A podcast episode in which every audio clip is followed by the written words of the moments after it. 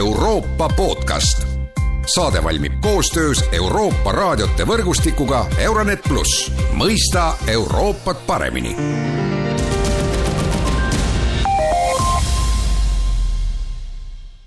Poola konstitutsioonikohus teatas hiljuti, et osa Euroopa Liidu seadustest pole ülimuslikud Poola seaduste suhtes,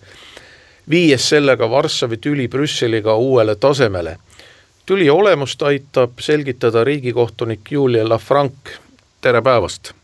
tere päevast! mina olen Erkki Pahovski ja no võib-olla siis tõesti paari sõnaga, et äh, milles see tüli olemus seisneb, et et, miks Poola konstitutsioonikohus sellise otsuse ikkagi tegi? jaa, no paari sõnaga on võib-olla seda natukene raske kirjeldada, sest see küsimus on tuuritanud siin päevakorral juba päris pikka aega ja võib-olla kõige lihtsam on öelda siis niimoodi, et puudutab see ühte väga olulist osa õigusriigi põhimõtte toimimisest ehk siis kohtusüsteemi sõltumatust ja kõige konkreetsemalt siis kohtunike suhtes läbiviidavaid distsiplinaarmenetlusi, millega Euroopa Liit ei olnud rahul, kuidas Poolas see toimub ja selles osas on ka Euroopa Liidu kohus teinud mitmeid otsuseid,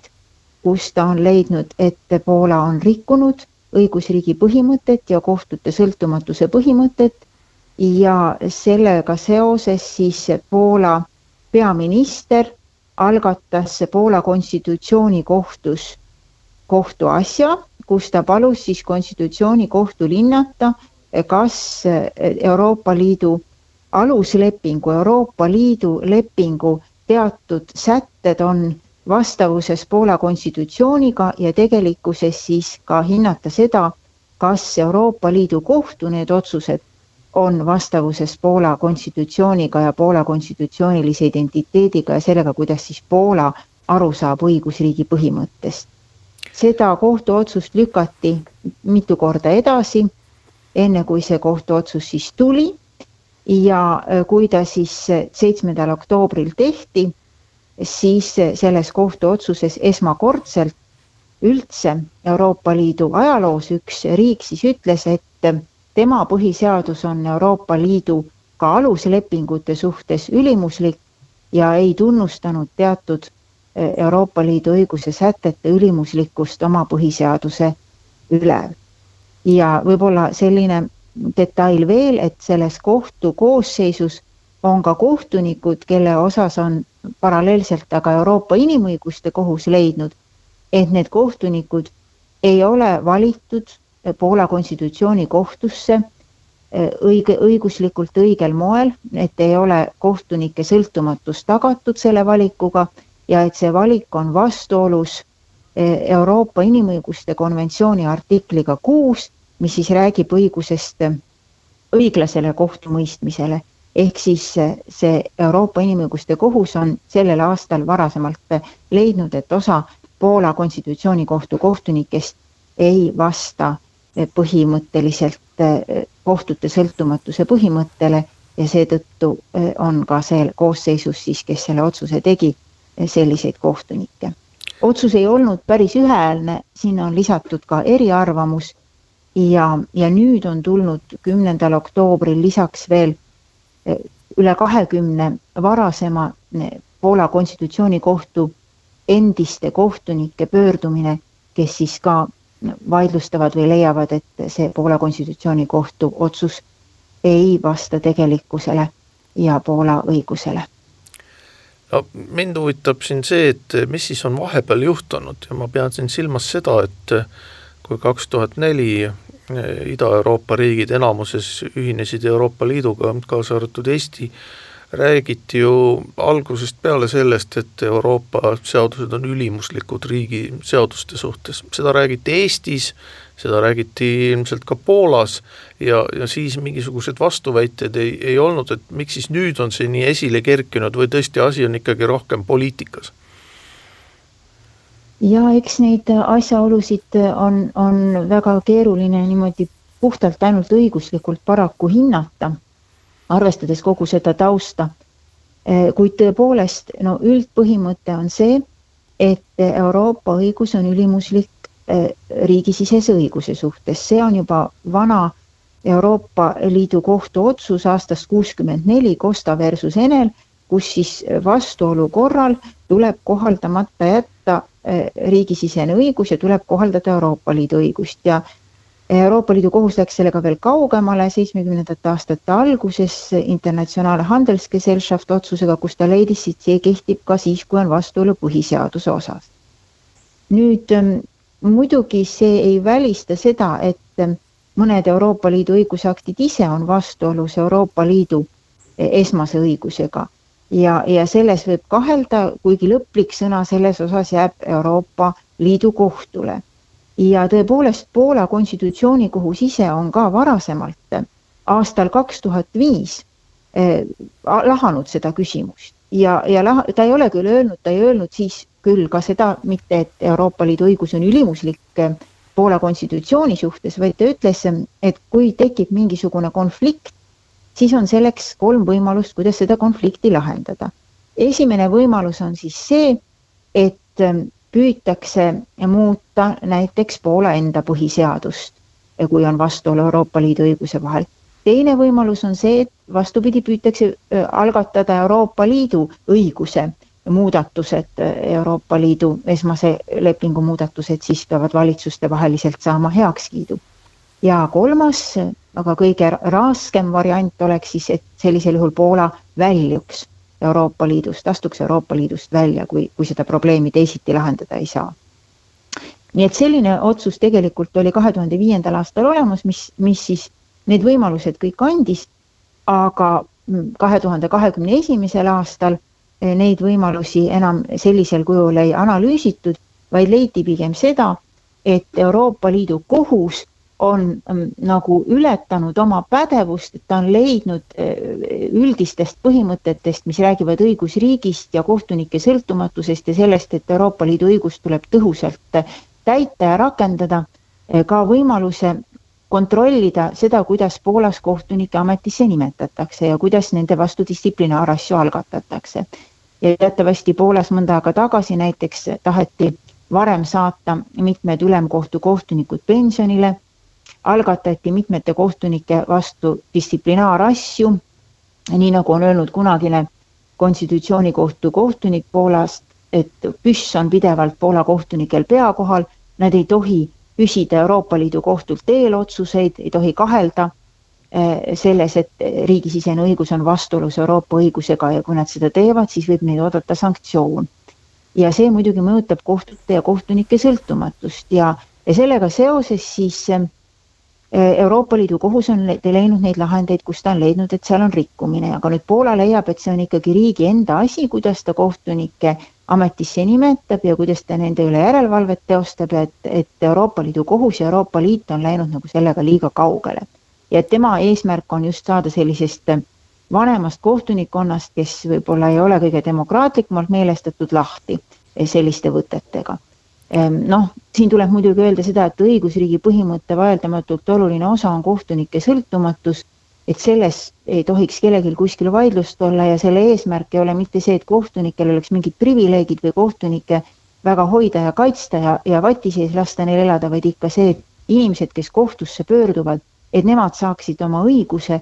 õiglase menetluse abil, et see kohtumenetlus oleks sõltumatu ja erapooletu ja et, et poliitika ja, ja ja ütleme, seadusandja täitevvõim ei sekkuks õigusemõistmisesse ja see ei tähenda muidugi ka seda, et õigusemõistmine ise äh, peaks äh, olema täielikult äh,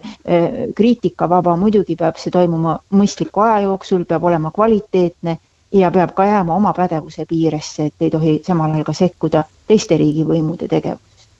et see on kõik selline väga oluline tasakaal, mida, mida kindlasti on vaja, vaja saavutada mitmed asjatundjad on juba praegu viidanud sellele, et, et Euroopa Liit ei saa niimoodi edasi funktsioneerida, pidades silmas siis seda, et Euroopa Liidu legaalne ehk õigussüsteem äh,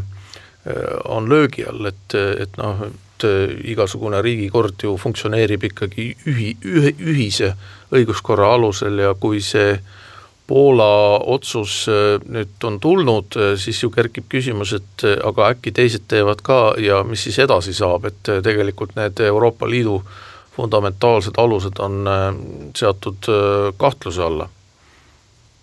jaa, e, nii ta tõepoolest on, kuigi ma tahaks loota, et, et kui see Euroopa Liidu õigussüsteem ikkagi on nii tugev ja autonoomne, e, nagu ka Euroopa Liidu kohus väidab, et, et siiski need kõigutused ei tähenda täielikku hävingut, mm, vaid ikkagi pigem annavad sellise tõuke ka Euroopa Liidu õigusele endale mm, seda mõelda, kuidas siis edaspidi võib-olla selgemini ennast väljendada ja, ja ka tõhusamalt käituda. no ütleme niimoodi, kui me vaatame tõesti, mis on toimunud varasemal ajal, siis ei ole ju selles mõttes see Poola äh, põhiseaduskohtu otsus täielikult ainulaadne, ta on võib-olla kõige radikaalsem, ta on jah, tõesti selles mõttes ainulaadne, nagu ma ütlesin, et ta ütleb, et, et Euroopa Liidu aluslepingute, siin artikkel üks viitab artiklile kaks, artikkel üheksateist näiteks, et need on ähm, vastuolus Poola põhiseadusega.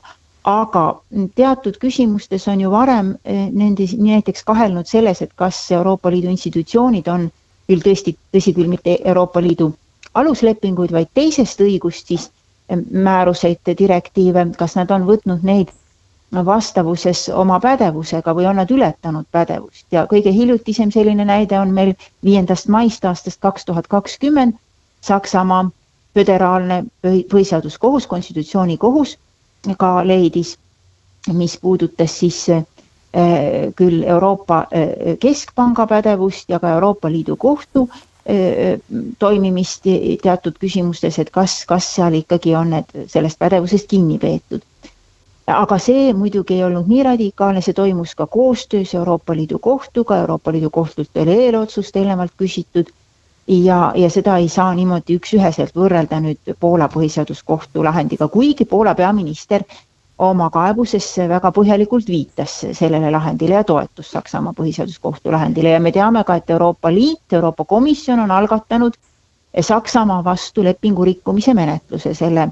lahendiga seoses, kohtulahendiga seoses, mis on omakorda täiesti uus probleemide laegas. nii et ja varem on näiteks ka Tšehhi ja Taani eh, kohtud, Taani ülemkohus siis kahelnud eh, teatud küsimustes Euroopa Liidu õiguse eh, osas. aga need on olnud ikkagi sellised rohkem üksiknähtused, need on olnud pigem püüdega kaasa aidata, eh, kuidas siis seda Euroopa Liidu õigust võib-olla, võib-olla selliselt kujundada, et, et see oleks arusaadavam ka inimestele ja et, et ühesõnaga seda ka täiustada sel moel, et kaasa rääkida selle Euroopa Liidu õiguse loomisele mitte nüüd otseselt lihtsalt äh, vastu hakata nii-öelda.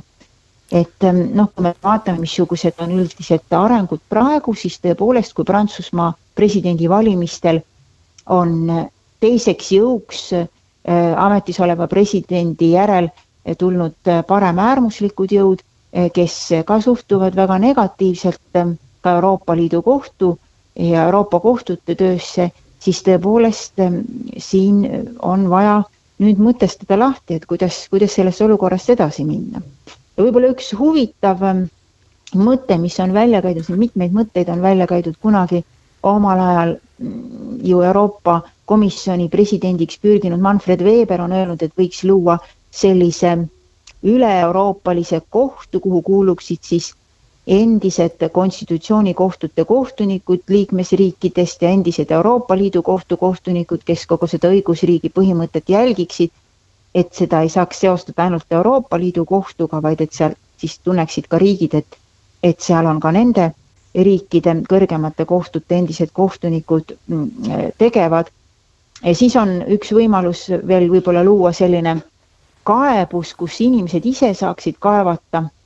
otse rohkem Euroopa Liidu kohtusse, nagu on põhiseaduskaebused olemas teatud põhiseaduskohtutes, mida praegu Euroopa Liidus sellisel kujul ei ole, Euroopa Liit ei ole ühinenud teatavasti veel ka Euroopa Inimõiguste konventsiooniga, ta ei allu ka Inimõiguste konventsiooni meha-, kaitsemehhanismile. ja, ja üks huvitav mõte on, et võib-olla seda ülimuslikkust seletada mitte lahti niivõrd sellepärast, et Euroopa Liidu õigus peaks tõhusalt toimima sest siis tekib küsimus, et kas siis Euroopa Liidu õiguse ülimuslikkust on vaja selleks, et Euroopa Liidu õigus tõhusalt toimiks või toimib Euroopa Liidu õigus tõhusalt tänu sellele, et, et ta on ülimuslik et noh, et see asi ei muutuks nagu asjaks iseenesest, nii nagu see õigusriigi põhimõte ei tohiks muutuda kindlasti selliseks poliitiliseks vahendiks, vaid peaks ikka mõtlema, et mis ta inimesele annab. et mitte üks või teine pool lihtsalt ei hakka sellega vehkima, ilma et aru saaks, mis selle sisu on. Ja et, et selles mõttes võiks rääkida noh, ühest, ühelt poolt muidugi sellest, et riigid on võrdsed siis, kui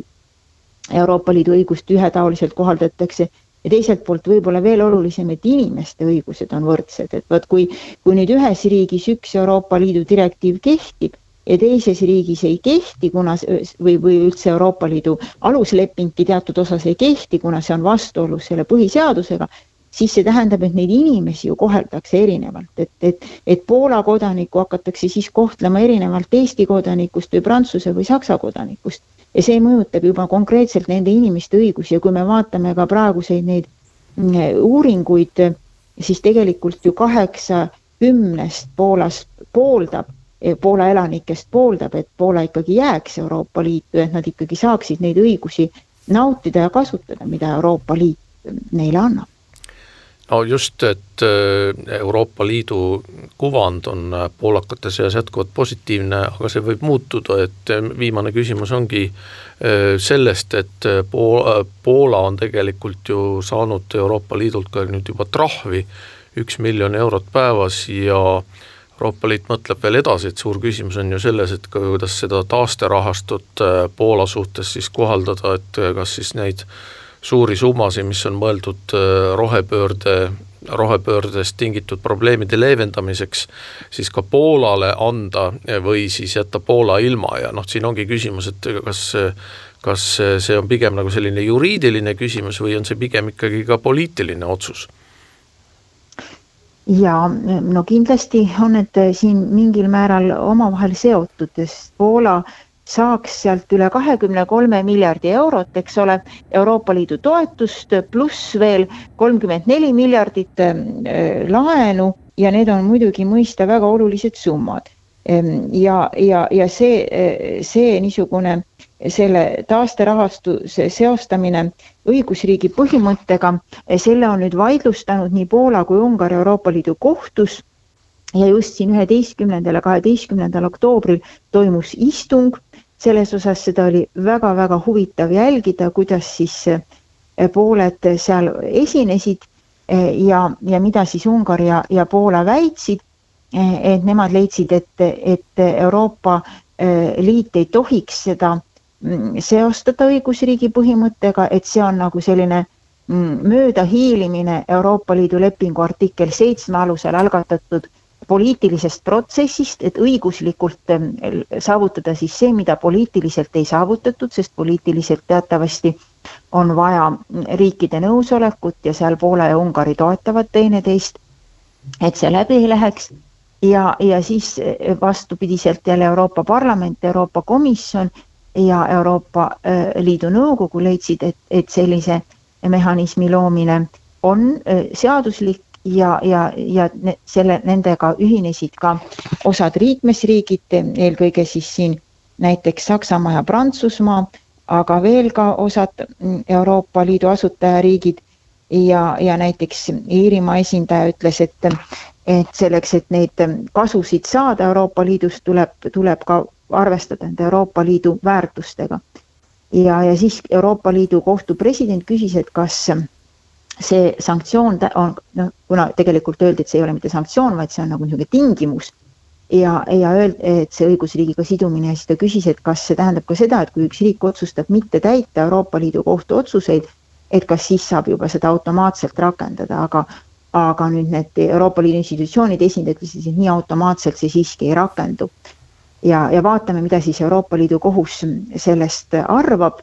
teisel detsembril on ette nähtud kohtujuristi ettepaneku avalikustamine ja tõenäoliselt see kohtuotsus tuleb ka võib-olla isegi juba enne selle aasta lõppu ära, et seda tehti nagu sellises kiir, kiirmenetluses ja, ja, ja väga palju seal muidugi küsimusi esitati ja, ja väga põnevaks see asi läheb. nüüd, mis seda miljon eurot päevas puudutab, siis see on ikka veel sellest vanast vaidlusest, mis puudutas kohtunike distsiplinaarmenetlust, see ei ole mitte esimene kord, kus Poolale on mõistetud trahv selle eest, et ta kohtu esialgset õiguskaitset ei täida. aga muidugi miljon eurot on kõige suurem summa, mis siiani on, on mõistetud. et ennem oli siin ka ühes vaidluses, mis puudutas keskkonnaõigust ja seal Poola on asunud üldiselt täitma neid kohtuotsuseid, aga mis ta nüüd teeb, noh, see otsus alles tuli eile, see siis selgub nüüd lähipäevadel ka selle põhiseaduskohtu otsuse valguses, et, et siin kindlasti need arengud jätkuvad ja, ja kindlasti need rahasummad, mis siin mängus on, ei ole mitte väikesed. ja, ja võib-olla veel noh, seda, et, et omal ajal Inimõiguste Kohtuga oli ka selline probleem, et, et Venemaa otsustas ühel ilusal päeval, et ta ei täida. Venemaa konstitutsioonikohus leidis, et osad Inimõiguste Kohtu otsused võivad olla vastuolus Venemaa konstitutsiooniga ja sellisel juhul neid ei täideta. ja need otsused puudutasidki just ka selliseid kohtuasju, kus olid suured rahasummad mängus, näiteks Jukose osas rikkumise leidmine ja ja siis suure kompensatsiooni maksmine Venemaa, Venemaalt siis Jukose esindajatele. aga, aga see siiski jäi nagu selliseks väga õnneks selliseks ühe päeva liblikaks, et, et, et see otsus tehti ja teatud juhul siis püüti nagu vastu olla või, või mitte täita inimõiguste kohtu lahendeid, aga suuremas osas ikkagi neid, ütleme vähem poliitilisemaid lahendeid on ikkagi jätkuvalt edasi täidetud ja ja, ja no võib-olla ka siin Euroopa Liidu puhul ongi see, et et küsimus sellest, et kui, kuidas see Euroopa Liidu kohtu pädevus on et, et võib-olla see, mida riigid ei ole poliitilisel tasandil suutnud saavutada või Euroopa Liit, institutsioonid poliitilisel tasandil, et selle nad nüüd veeretavad Euroopa Liidu kohtu kaela nii-öelda ja kohus peab siis õiguse mõistmise raames äh, rakendama ja kohaldama ka ne, muuhulgas neid rahalisi sanktsioone, et kuidagi seda Poola riiki ja õigusriiki korrale kutsuda ja et, et, et seda õigusriiki seal saavutada ja, ja, ja see tekitab muidugi sellise küsimuse, et kui Euroopa Komisjoni president ütleb, et me oleme siiamaani kõik vaidlused võitnud Euroopa Liidu kohtus, et et kas, kas siin nüüd ainult õiguslikudest mehhanismidest edaspidi piisab või peavad ikka poliitikud ka siin juurde öö, oma tööd, tööd tegema. ja, ja muidugi ei tasu unustada seda, mis siis tavalisest inimesest saab, mis sellest inimesest seal Poolas saab ja kuidas tema õigusi kõige paremini kaitsta ja, ja muidugi ka seda, et Euroopa Liit ise ka peab sellest õigusriigi põhimõttest kinni pidama. et see ei ole mitte ainult nii, et nõutakse liikmesriikidelt, vaid et Euroopa Liidu institutsioonid ise ka arvestaksid sellega, et need on need olulised põhimõtted, demokraatia, inimõigused ja, ja õigusriik. jääme siis ootama Poola ja Euroopa Liiduga seotud uudiseid. aitäh, Juuli Lafranc, see oli tänane Euroopa podcast ja mina olin Erkki Bahovski, kõike head ja kuulmiseni